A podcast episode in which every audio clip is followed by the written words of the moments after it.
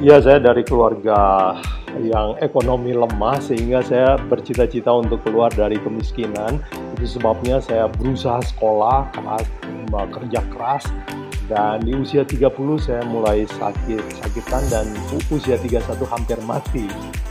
Jadi saya punya kewajiban tinggi banyak terus kerja keras. Kemudian waktu itu ekonomi lagi booming, proyek datang terus sehingga kerjaan itu banyak sekali. Dan karena saya masih muda, saya rasa hebat, semua saya kerjain. Tapi waktu umur 30 saya mulai wah menderita semua penyakit.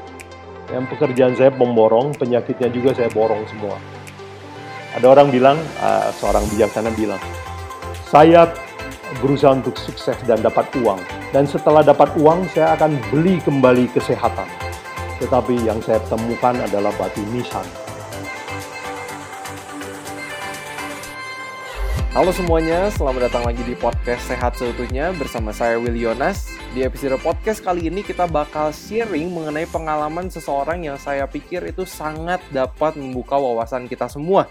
Dan juga dapat membuat kita sadar nih akan pentingnya hidup sehat sejak kita muda. Kenapa?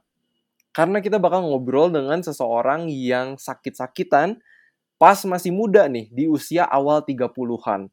Kerja terlalu keras membangun bisnis tanpa memperhatikan kesehatannya. Kita pengen angkat topik ini mengenai ketika ambisius itu dapat merusak kesehatan. Karena ketika saya lagi ngobrol dengan teman-teman yang lain, kadang ada pemikiran atau mindset oh ya pokoknya saya kerja sekeras-kerasnya, nggak peduli dengan kesehatan, makan seadanya, jam tidur ngaco, nggak pernah olahraga. Yang penting di usia 30-an saya udah mapan. Nah, ini mungkin mindset yang teman-teman juga punya. Pokoknya mengejar sukses secepat-cepatnya, kesehatan dikorbankan. Nah, tamu podcast kita hari ini adalah seorang insinyur dan seorang pebisnis.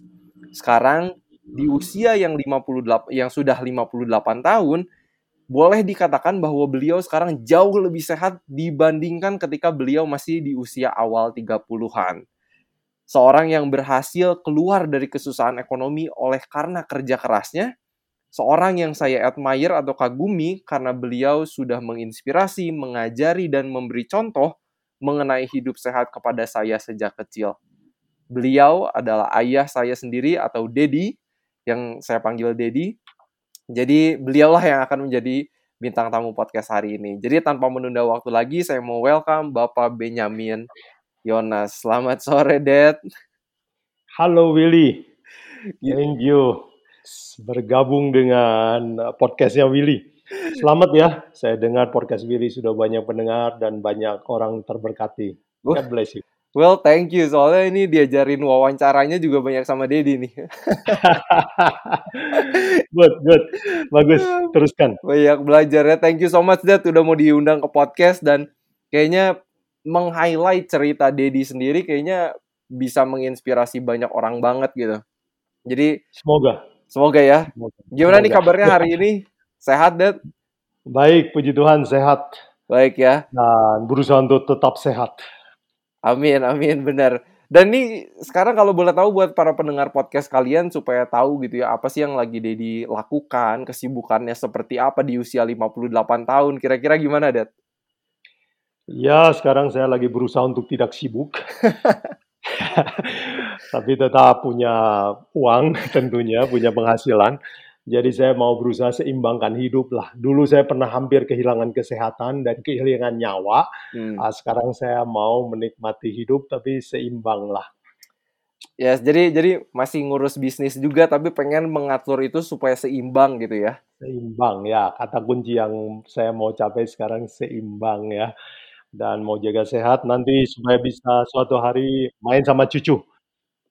Nah, ini tadi tadi Dedi sempat bilang nih bah, bahwa dulu sempat sakit-sakitan dan bahkan kayaknya sempat bisa dibilang hampir kehilangan nyawanya gitu dalam lagi membangun karir, membangun bisa, bisnis halo. gitu ya. Itu kira-kira di bisa. usia berapa? Terus sakit apa aja sih yang dialami sebenarnya, Oke. Iya, saya dari keluarga yang ekonomi lemah sehingga saya bercita-cita untuk keluar dari kemiskinan. Itu sebabnya saya berusaha sekolah keras, kerja keras Dan di usia 30 saya mulai sakit-sakitan dan usia 31 hampir mati. Itu itu ringkasan 31 ya? peristiwanya. 31. Wow, itu itu mudah banget sih. Kalau aku sekarang 24, berarti sekitar 7 tahun lagi aku 31 dan di usia segitu tuh rasa hampir mati gitu ya. Betul. Nah, itu waktu itu eh, lagi ngapain tuh? Lagi ngebangun bisnisnya, eh, kesibukannya gimana bisa kira-kira diceritain tuh? Oh, jadi ke kesehatan saya mulai hancur sebenarnya pelan-pelan.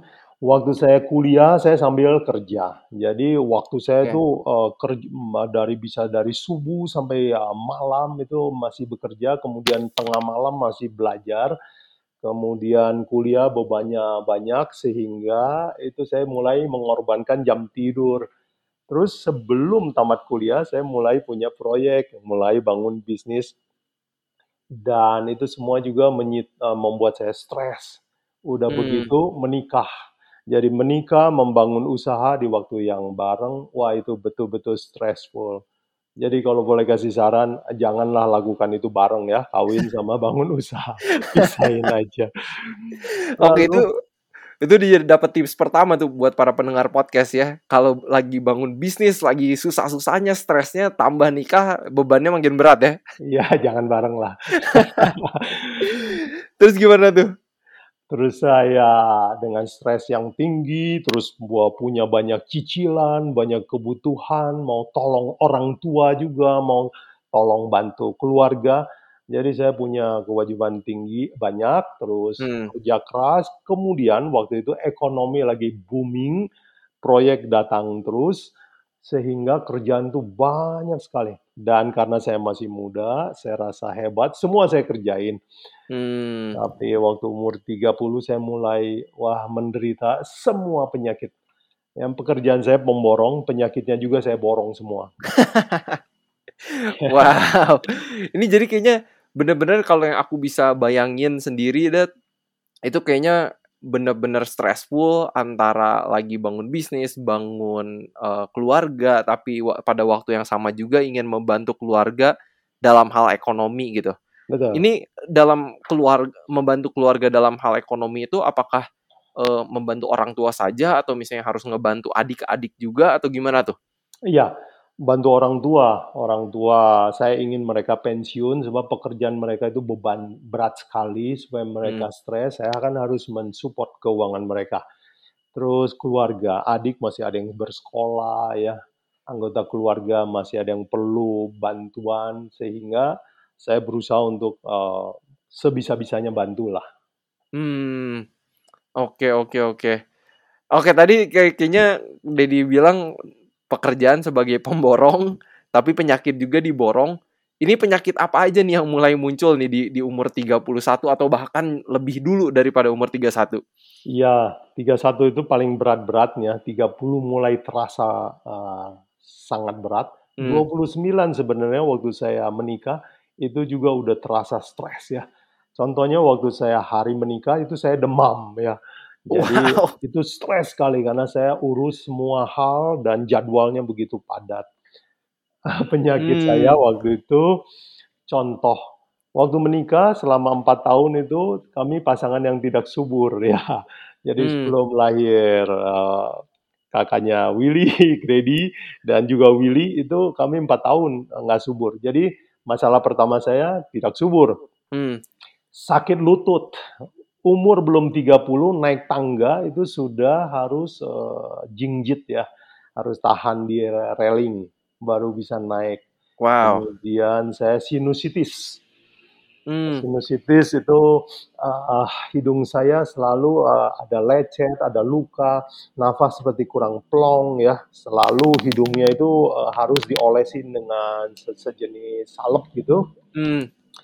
Kemudian saya sakit MAH juga. Oke. Sakit lambung sampai pernah muntahnya darah. Wow. Terus alergi, alerginya berat. Saya baru lihat debu, belum debunya terbang sudah mulai bersin. Baru Hmm. lihat sudah mulai, eee, seperti apa ya, ketakutan sama debu. Kemudian saya juga sakit back pain ya. Pernah nggak bisa berdiri, eee, lebih dari 5 menit. oh parah sekali. Pernah Wow. juga saking sakitnya, waktu baring juga nggak ada posisi yang nyaman untuk eee, nggak sakit pinggang. Mmm. Sakit sekali sakit sekali. Oh, terus sering sakit kepala sebelah. Naik Wow. terbang, eee, waktu naik take off, landing itu kepala seperti mau pecah ya, seperti disobek, seperti muncrat darah, tapi nggak nggak ada darah, nggak ada apa-apa, tapi sakit sekali. Ya itulah penyakit borongan semua, banyak sekali kan. Wow, ini masalahnya di usia 30, 31 udah sakit Iya. lutut, udah ada low back pain, nggak bisa berdiri lebih dari 5 menit. Kayaknya nah, ketika lagi mengalami kondisi ini dengan tanggung jawab yang sebenarnya banyak, sebenarnya makin frustasi dan stressful nggak sih? Iya, stressful. Stres sekali karena, eee, saya sudah berkunjung ke dokter-dokter, pakai segala macam obat, pergi ke Mmm. dokter yang normal dan ke paranormal juga. Dan nggak nggak sembuh-sembuh. Saya sudah tes darah, eee, ke lab, di eee, periksa dengan alat-alat yang canggih, suruh treadmill, periksa jantung, semua diperiksa, tapi kata Mmm. dokter, "Ah, seperti nggak ada penyakit yang serius." Tapi saya nggak pernah rasa sehat. Oh iya, Mmm. dan saya gampang sakit kalau batuk pilek. Itu jarang sembuh, eee, cepat. Itu mesti, eee, 3 minggu, 1 bulan, kadang bisa lebih kalau hanya batuk dan pilek. Wow. Badannya lemah sekali. Nah, itu frustasi sekali. Kita berobat, ya dan waktu itu sudah mulai ada uang, jadi bisa berobat. Saya Mmm. bisa bayar dokter, bisa bayar obat, tapi nggak ada kesembuhan. Jadi frustasi kan. Right. Sedih sedih Dan harus tanggung jawab yang lain yang harus selesaikan diselesaikan itu sebenarnya banyak juga gitu ya, Betul. yang yang menanti ya. Iya. Wow. Nah ini, eee, pas udah coba cari solusi alternatif gitu ya, tapi pernah nggak sih sempet frustasi dan pernah nggak mengalami titik paling parah dan merasa kayak, "Aduh, kayaknya pengen mati aja lah," gitu? Pernah Oh nggak tuh? iya, pernah. Pernah mengalami rasanya ingin mati. Waktu sakitnya belum parah, pengen hidup, karena Mmm.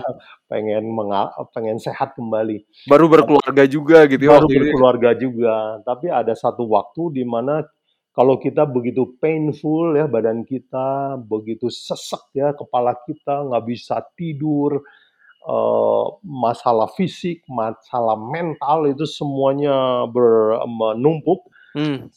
Sakit sekali dan rasanya kalau mati itu enak ya, ada Wow. Itu Dan itu itu terjadi umur 31. Umur 31, boleh diceritain nggak tuh, itu pengalamannya gimana tuh? Jadi waktu saya mulai, eee, mulai adalah tabungan sedikit, terus, eee, pikir, "Ah, udahlah untuk menghibur diri saya yang stres ini, saya harus pergi jalan-jalan." Saya piknik ke luar negeri, itu pertama kali saya ke luar negeri.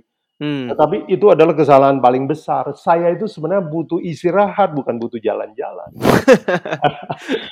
Dan saya pergi ke luar negeri, saya ke Singapura, lalu dari Singapura naik rencananya mau ke Tiongkok. Mmm. Eee, kemu eee, da eh, ke Hong Kong dulu, lalu ke Tiongkok. Waktu dari Singapura ke Hong Kong, saya udah sakit luar biasa, tapi Mmm. ini kan perjalanan masih panjang, jadi terpaksa siang hari sebenarnya saya pengen tidur, tapi karena sayang kan, eee, udah beli tiket jalan nggak jalan-jalan, masa cuman tidur di hotel. Iya, betul Ya betul. akhirnya terpaksalah jalan-jalan, tanda terpaksa ya, bayangin ya, kita terpaksa jalan-jalan. Nah, di Hong Kong itu sampai saya harus ke rumah sakit, tapi dokternya Mmm. sekali lagi bilang, "Ah, you seperti nggak ada sakit apa-apa yang serius." Tapi saya rasa badan saya itu kayak ringsek banget lah, kepala sakit, badan nggak enak, susah tidur, eee, ya batuk, pilek, dan wah badan nggak enak lah. Lalu dokternya Wow. bilang, "You nggak ada apa-apa."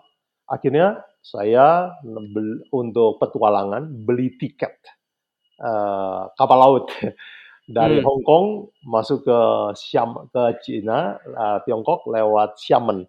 Mmm. Jadi waktu itu saya naik kapal laut dan waktu itu Tiongkok belum maju, jadi kapal lautnya nggak gitu bagus, goyang-goyang, dan itulah puncak penderitaan saya. sakit Mmm. kepala, malam nggak bisa tidur, mabok laut. Wah, dan, mmm, malam itu kepala saya seperti mau pecah, eee, dan saya nggak ingat lagi, tapi waktu itu saya berpikir begini, "Mungkin malam ini saya akan mati." Karena Mmm. memang rasanya enak sekali kalau mati. Ini semua saya nggak nggak hampir nggak bisa, eee, tahan lagi ini sakitnya. Wow. Dan waktu itu kan saya pergi sama istri saya, ya mamimu. Mhm. Dan di kapal itu kami udah mulai putus asa. Oh ya, di kapal itu nggak ada pertolongan medis, waktu itu mungkin, eee, Tiongkok masih belum maju ya, kapalnya sederhana sekali, Mmm. semua petunjuk dalam bahasa Mandarin, jadi saya suka susah komunikasi. Dan waktu itu malam, tengah malam, jadi kita nggak bisa minta tolong siapa-siapa. Di atas kapal Mmm. itu, eee, saya udah beren berpikir bahwa mungkin saya bisa mati, eee, sebelum mendarat di Cina. Jadi saya mulai ngobrol sama si mami, sama Ah hah. istri saya, bahwa s oh ya saya mulai kasih tahu wasiat-wasiat saya lah. Misalnya saya udah mulai, eee, agak dramatisir sedikit ya, "Ya tolonglah orang tua saya jaga baik-baik, kasihan mereka udah besarin saya, sekarang Mmm. anaknya mati muda ini umur 31, eee, terus saya ada tabungan sedikit, ini password-nya, ATM-nya, saya kasih tahu semua." Jadi kita udah Wow. berencana mati, dan saya minta sama, eee, istri saya, "Tolong doakan saya, saya udah jauh dari Tuhan, terlalu sibuk Mmm. dengan bisnis ya, hidup tidak seimbang. Sekarang mari kita nyanyi, bacain, eee, kitab Mazmur buat saya." Mhm. Ya, saya udah lama, dulu saya menyukai Alkitab, tapi karena sibuk bisnis, mulai saya tinggalkan sedikit demi sedikit. Agama itu cuma jadi formalitas seminggu sekali, Mmm. Dan sekarang saya bilang, "Tolong bacakan kitab Mazmur buat saya." Lalu dibacakan berapa ayat sambil si mami nangis-nangis ya. Ah hah. Lalu, eee, saya minta didoakan, lalu kita berdoa, dan saya eee, bersiap untuk mati. Dan kalau mati, eee, biarlah Tuhan ampuni saya. Begitulah penderitaan saya malam itu. Wow. Merasakan sakit banget, mau sakit kepala, mau sakit seluruh tubuh gitu ya, Iya. dan sampai rasa pengen mau mati aja lebih enak gitu di Iya. usia 31 tuh kayak, itu apa ya, cepet banget sih untuk mengalami hal itu gitu. Betul. Tadinya saya kan takut mati, Mmm. nggak rela, tapi malam itu saya rela, saya ikhlas. Dan saya Oke. bertobat. Wow. Nah berarti, well di di malam itu Dedi berharap untuk kalau bisa mati aja, tetapi enggak, ma ma makanya nyatanya sampai hari ini masih hidup. Ah, ini tahu doa doa Dedi apa malam itu? Apa tuh? "Tuhan, kalau saya mati ampuni dosa saya, karena saya salah hidup. Tapi kalau boleh, saya kalau dikasih bisa pulang ke Indonesia dengan sehat, saya mau berubah hidup saya. Kasih saya Mmm. kesempatan sekali lagi." Begitu saya, udah pasrah. Wow, dan dan Tuhan berarti kasih kesempatan kedua nih? Betul. Dan waktu saya untuk per itu kan berhari-hari saya nggak bisa tidur. Wow. In insomnia, nggak bisa tidur. kebayang. Lalu malam itu setelah kami menyanyi dan berdoa, tiba-tiba saya tertidur tanpa setahu saya. Mmm. Untuk beberapa malam saya mulai tertidur. Waktu saya buka mata, eh sudah pagi. Saya dalam hati ber bersyukur, "Waduh, saya masih hidup, berarti Tuhan masih kasih saya kesempatan." Mmm.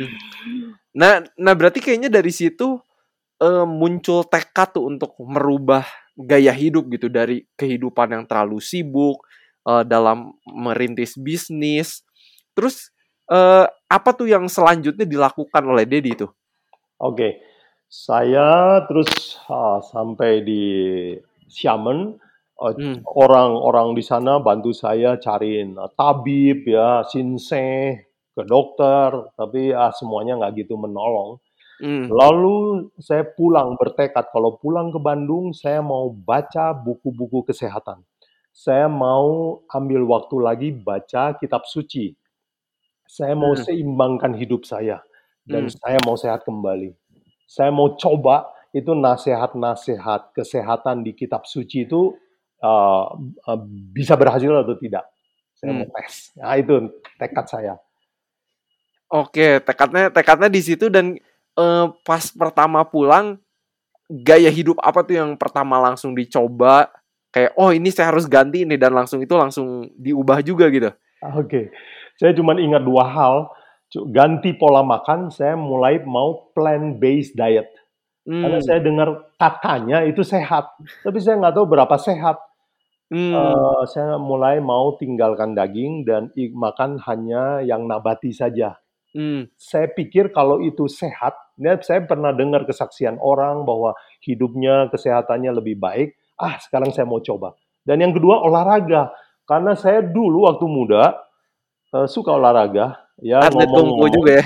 ya, ya gini-gini juga pernah jadi atlet kungfu dan saya pernah juara juga. Jadi dulu saya atlet dan senang olahraga, tetapi karena sibukan, karena stres, karena deadline, akhirnya itu semua saya tinggalkan. Dan yang Hmm. kedua, saya bertekad olahraga, ol- olahraga lagi secara teratur. Begitu. Wow, Jadi jadi itulah. jadi dua hal ya. Eh, Dua hal itu, yang lain saya belum tahu. Belakangan Oke. saya, saya belajar eh, ternyata eh, nanti kebijaksanaan itu Tuhan kasih bertahap ya. Kita Hmm. tahu sedikit, praktekkan dulu. Nanti yang lain Tuhan tambahkan lagi. Itu yang saya Hmm. alami. Dan itu perubahannya apa tuh yang mulai dirasakan yang Dedi inget gitu ya? Ketika mulai merubah pola makan dan mulai olahraga, apa tuh yang dialami, Dad? Oke, saya mulai roba pola makan, terus mulai olahraga setiap hari. Hmm. Bahkan kadang pagi sore, saya mulai nggak pakai sepatu biasa, pakai sepatu olahraga. Ke mana-mana kalau bisa saya mau jalan kaki. Hmm. pergi kerja sedapat-dapatnya saya mau jalan kaki, terus saya daftar eh, jadi anggota apa namanya eh, langganan ya kolam renang. Hmm. Kemudian saya tinggalkan daging dan semua makanan processed food gitu ya, yang makanan bungkus-bungkusan waktu itu saya mulai eh, coba. Dan dalam kayaknya satu minggu saya udah mulai rasa lebih sehat. Hmm. Dan saya seperti punya apa ya keyakinan bahwa pasti saya sembuh, walaupun belum sembuh betul. Hmm. Satu minggu udah rasa enak badannya, kemudian satu bulan lebih enak, tiga bulan kemudian, tiga bulan loh ya, Aha. hampir semua penyakit borongan tadi hilang semua. Wow. Ya back pain hilang ya, lutut nggak sakit lagi, sinusitis hilang, dan saya baru sadar kalau alerginya mulai membaik waktu di proyek saya lihat uh, di tempat yang berdebu uh, terbang-terbang dan saya heran loh kok saya nggak seperti dulu lagi jadi saya mulai Hmm. sadar wow rupanya saya membaik tiga bulan Wow. Imunitas tubuhnya tuh bener-bener kayaknya menjadi kuat gitu sekarang ya. kelihatannya ada perubahan kayak gitu Wow. dan Willy mesti tahu tidak lama kemudian lahirlah uh, anak kami yang pertama Hmm. Nah ini, kami jadi pasangan yang subur lagi wow. Setelah empat tahun pertama nggak bisa punya anak ya? nggak bisa Oke, oke, ini menarik. Ini buat teman-teman yang lagi dengerin podcast episode kali ini, apa ya? Mungkin teman-teman udah ada hal-hal yang bisa teman-teman relate gitu ya. Eh, mungkin terlalu sibuk, terlalu apa ya? Mungkin terlalu ambisius dalam pengen mapan, pokoknya usia 30 sampai akhirnya olahraga nggak pernah, makan kacau, jam tidur kacau banget kayak eh, Bapak Yobu apa Bapak Benyamin ini ya, eh, Dedi saya. Jadi ini teman-teman semoga bisa relate gitu ya. Dan itu setelah eh, pulang akhirnya menyempatkan waktu untuk olahraga, itu kira-kira apakah mungkin ada yang bertanya gitu, Dad ya? Apakah dalam melakukan bisnis jadi kurang ambisius atau gimana balance-nya yang eh, Dedi buat gitu? Oke, nah mulai sejak itu saya mulai eh, kurangi kepadatan ya, dan Hmm. saya mulai menghindari pekerjaan-pekerjaan yang banyak deadline ya. Oke. Deadline itu, deadline itu kan bahasa Inggris toh, Iya. dia terdiri dua kata sebenarnya itu, eh, dead dan line ya. Jadi saya suka bilang bahwa deadline is the line of death. Jadi kalau orang hidup dengan banyak deadline biasanya akan cepat mati. Ya, jadi saya mulai uh, mulai kurang ngurangin yang uh, proyek-proyek yang terlalu banyak deadline ya. Hmm. Dan mulai juga kurangin lah ambisi-ambisi, mulai bilang tidak ya sama bisnis yang kita nggak sanggup kerjakan. Hmm. Dan mulai mengatur jam tidur. Ya, saya tahu bahwa oh ternyata jam tidur penting sekali. Harus tidur di bawah jam 10. Jadi saya mulai roba pelan-pelan dan ya itu menolong. Itu Ya, menolong jadi banget ya. bisnis saya roba, lalu saya punya eee, atur supaya seimbang. Punya waktu untuk keluarga, punya Hmm. waktu untuk belajar hal rohani, dan Hmm. saya menemukan bahwa, oh iya ternyata manusia itu kan kudu seimbang. Ya, Iya. kalau kitab suci bilang kan, manusia dibikin dari debu tanah, ditambah nafas dari Allah kan. Hmm. Jadi ada materinya, kita perlu materi, kita perlu cari uang, kita perlu kerja, eee, tapi kita juga perlu nafas Allah, yaitu hal-hal rohani, bukan? Jadi Hmm. kita perlu keluarga, perlu kasih sayang, perlu firman Tuhan. Jadi saya mulailah coba seimbangkan dua hal ini. Ya, Oke oke. and it Jadi changed my life. ini ini ini penting banget nih teman-teman kalau teman-teman merhatiin lagi gitu ya nama kita kan sehat seutuhnya nih. Sehat seutuhnya ini nggak bisa cuma ngomongin soal kesehatan fisik, tapi kesehatan mental dan bahkan bagian dari manusia juga adalah kesehatan spiritual gitu, kerohanian. Jadi ini juga sebuah hal yang nggak bisa dilupakan. Nggak nggak bisa apa ya? Ya semuanya sekali lagi ini harus seimbang gitu dan ini yang eh, Dedi ini coba lakukan dan kita bersyukur bahwa saya bisa bilang ya sekarang bahwa Dedi saya yang di usia 58 tahun ini lebih sehat ketika dia berusia 31 tahun. Kira-kira gitu nggak, Dad? Iya, betul betul. Dan saya menemukan juga bahwa memang hidup harus seimbang, ya. Ini penting juga. Saya Hmm. baca buku tentang apa ya, eee, tentang happiness, the secret of happiness. Saya menemu dulu saya berpikir, sukses itu akan mendatangkan kebahagiaan. Oke. Ternyata terbalik. Kita harus bahagia dulu, baru gampang jadi sukses. Ya banyak orang Hmm. kan pikir kalau dia sukses, dia akan bahagia. Ternyata sering kali nggak dapet. Dan itu ada research-nya kan, Hmm. di Harvard ya. Jadi pernah baca itu? Pernah pernah pernah. Dedi kayaknya pernah share. Iya. Pernah share. ya orang pikir lulusan Harvard itu bahagia kan. Hmm. Mereka waktu sekolah kuliah udah capek sekali belajar, waktu, eee, berkarir juga capek sekali. Ternyata banyak orang Harvard yang mati muda kan. Hmm. Dan dia mau se seorang, eee, dosen Harvard mewawancarai seribuan orang. Dia, eee, apa namanya, tanya, "Apakah Anda lebih bahagia sekarang setelah jadi, eksekutif di, perusahaan five eee, hundred ya, perusahaan-perusahaan terbesar di dunia?" Umumnya jawabannya tidak. Jadi dia Hmm. menga menyimpulkan dalam bukunya bilang begini, "Happiness first, sukses itu second." Jadi Hmm. dan saya pikir, ah itu betul sekali. Orang pikir, eee, kalau sukses, kesehatan kan bisa dibeli. Ah Hmm. ini ada ada ah, kutipan yang bagus nih. Ada orang bilang, eee, seorang bijaksana bilang, "Saya berusaha untuk sukses dan dapat uang, dan setelah dapat uang saya akan beli kembali kesehatan. Tetapi yang saya temukan adalah batu nisan." Hmm. Wow. Jadi hati-hati sukses ya. Hmm. Success can be a drug. Hmm. Ya, bisa jadi kecanduan. Karena kalau kita sukses, kita akan pengen lagi pengen lagi pengen lagi. Ya, orang juara kelas pengen juara lagi kan. Hmm. Orang berhasil dengan satu bisnis, dia pengen buka yang kedua, buka ketiga, keterus eee, seterusnya. Jadi kecanduan sukses namanya.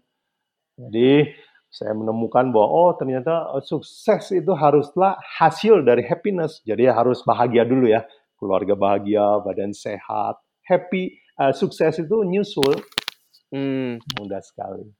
Oke, ini Ah, ini begitulah pengalaman dari orang yang sudah melewati berbagai rintangan kehidupan nih. Jadi buat kita yang buat kita yang masih muda kita bisa belajar sesuatu eee, jangan sampai prioritas kita kebalik gitu ya. Kesehatan nomor 2, sukses dulu. Taunya ya gitu kayak kata-kata bijak tadi ya, taunya eh kita dapatnya batu nisan gitu. Mhm. Kita nggak sempet menikmati waktu dengan keluarga, kita banyak yang kita miss out gitu ya. Oh, uh, saya perlu tambahkan nih, Will. Gimana Waktu tuh? Dedi hampir mati rasanya di atas kapal itu, Aha. saya nggak pernah bercita-cita lagi untuk cari uang lebih banyak, bangun bisnis tambahan. Cita-cita saya pengen dekat sama Tuhan, pengen dekat sama keluarga. Itu saja. Jadi waktu Hmm. hari terakhir kita, kita nggak akan pengen sukses yang lebih besar lagi. Kita pengen lebih bahagia. Jadi Betul. penting kan bahagia? Banget banget dan maksudnya kayak uang juga nggak kita bawa ke kuburan gitu kan? Kayak Ya, Jadi pada detik itu kita baru sadar. nah la- alangkah lebih baiknya kalau kita sadar dari sekarang gitu ya. Ya, Jangan exactly. jangan sadar pas udah di saat-saat terakhir gitu ya. Ah, betul. Dan ini eh, FYI eh, buat teman-teman, ini Dedi saya sekarang umur 58, masih bisa push up, masih bisa pull up, masih bisa lari dan wow, saya saya aja seneng banget gitu ngelihat Naik sepeda. naik sepeda, iya, naik sepeda, bukan yang datar ya, yang tanjakan loh ini. Jadi dengan usia segini dibandingkan dengan ceri- yang diceritakan di usia 31 tahun itu rasanya kelihatannya jauh banget. Jauh banget, masih fit banget dan Dad kira-kira gimana nih? How do you feel now? Apa yang dirasain nih sekarang? Yes, kalau saya mengikuti pola hidup yang seimbang, ya eh, seimbang tuh, pl- plant-based diet tetap dihidupkan, exercise tiap hari, ya Hmm. Eh, tidur cukup, ya waktunya juga tidak melanggar jam tidur, enak. Saya Hmm. rasa bahagia, rasa nyaman badan itu ya, dan nggak mudah sakit. Nah, Oh itu iya, penting. sejak saya merubah pola hidup saya, saya nggak pernah lagi punya dokter langganan. Dan ya dokter jadi teman-teman saya, dokter jadi sahabat. Tapi uh, saya nggak pernah punya dokter langganan lagi. Ya Buat bukan buat mengobati gitu ya. bukan mengobati. Kita bersahabat sama banyak dokter. Ah, Wow, ya. nice. Tapi Nice. kalau saya melanggar, sama sakit juga. Hmm. Ya, tapi saya bersyukur memang plant-based diet itu memang punya banyak kelebihan ya. Kalau uh, sebelum plant-based diet lebih gampang sakit. Eh, Hmm. sekarang kalau eh, sekali-sekali melanggar kesehatan juga nggak gitu mudah sakit. Ya, tapi Hmm. begitu melanggar langsung segera bertobat lagi, Balik lagi ke jalan yang yang sehat gitu ya. yang jalan yang benar ya. Ah, bener bener bener.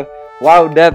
uh, I think this is such a great story. Uh, semoga teman-teman yang lagi denger podcast ini terinspirasi dengan pengalaman beliau. Buat kita yang masih muda, ayo kita susun lagi nih prioritas hidup kita itu apa sih? Apakah kesuksesan yang dikatakan bisa menjadi seperti drug, sesuatu yang buat kita ketagihan, kita kejar terus, tapi sebenarnya kesehatan kita kita korbankan terus. Buat apa gitu ya? Uh, kita nggak bisa spend waktu Mhm. dengan orang yang kita cintai, uh, banyak hari-hari dengan badan yang sakit, rasa nggak maksimal gitu ya kesehatan kita. Nah, Dad kira-kira Hmm. ada nggak nih pesan-pesan yang Dedi ingin sampaikan kepada pendengar podcast kalian?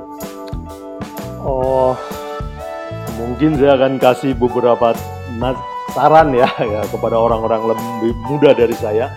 Ya, kita perlu hidup seimbang ya, karena badan kita ini dibikin dari debu tanah dan nafas dari Allah. Jadi kita perlu sisi materi dan sisi rohani itu adalah seimbang ya. Yang eh, kurang rajin bekerja, bekerja lebih rajin. Tapi yang terlalu rajin kurangi, ambil waktu untuk kerohanian juga, cari Tuhan, belajar agama, bagus itu. Jadi kita mesti seimbang ya. Itu nasihat yang pertama. Yang kedua, jangan terlalu sibuk, jangan terlalu banyak deadline ya. Uh, deadline is the line of death. Lalu carilah bahagia nomor satu ya, sukses kedua, jangan dibalik. Hmm. Oke. Dan mungkin ini tips saya, kalau suatu hari kita sakit berat nih ya, kesehatan dan uang, mana yang harus dilepas? Ya, kalau boleh saran sih, lepaslah uang. Karena dengan kesehatan kamu bisa cari uang lagi. Hmm. Tapi dengan uang kamu nggak belum tentu bisa beli lagi kesehatan. Ya, Oke. Yes. Ya memang uang bisa bayar rumah sakit, bisa beli obat, Tapi kan uang nggak bisa beli kesehatan.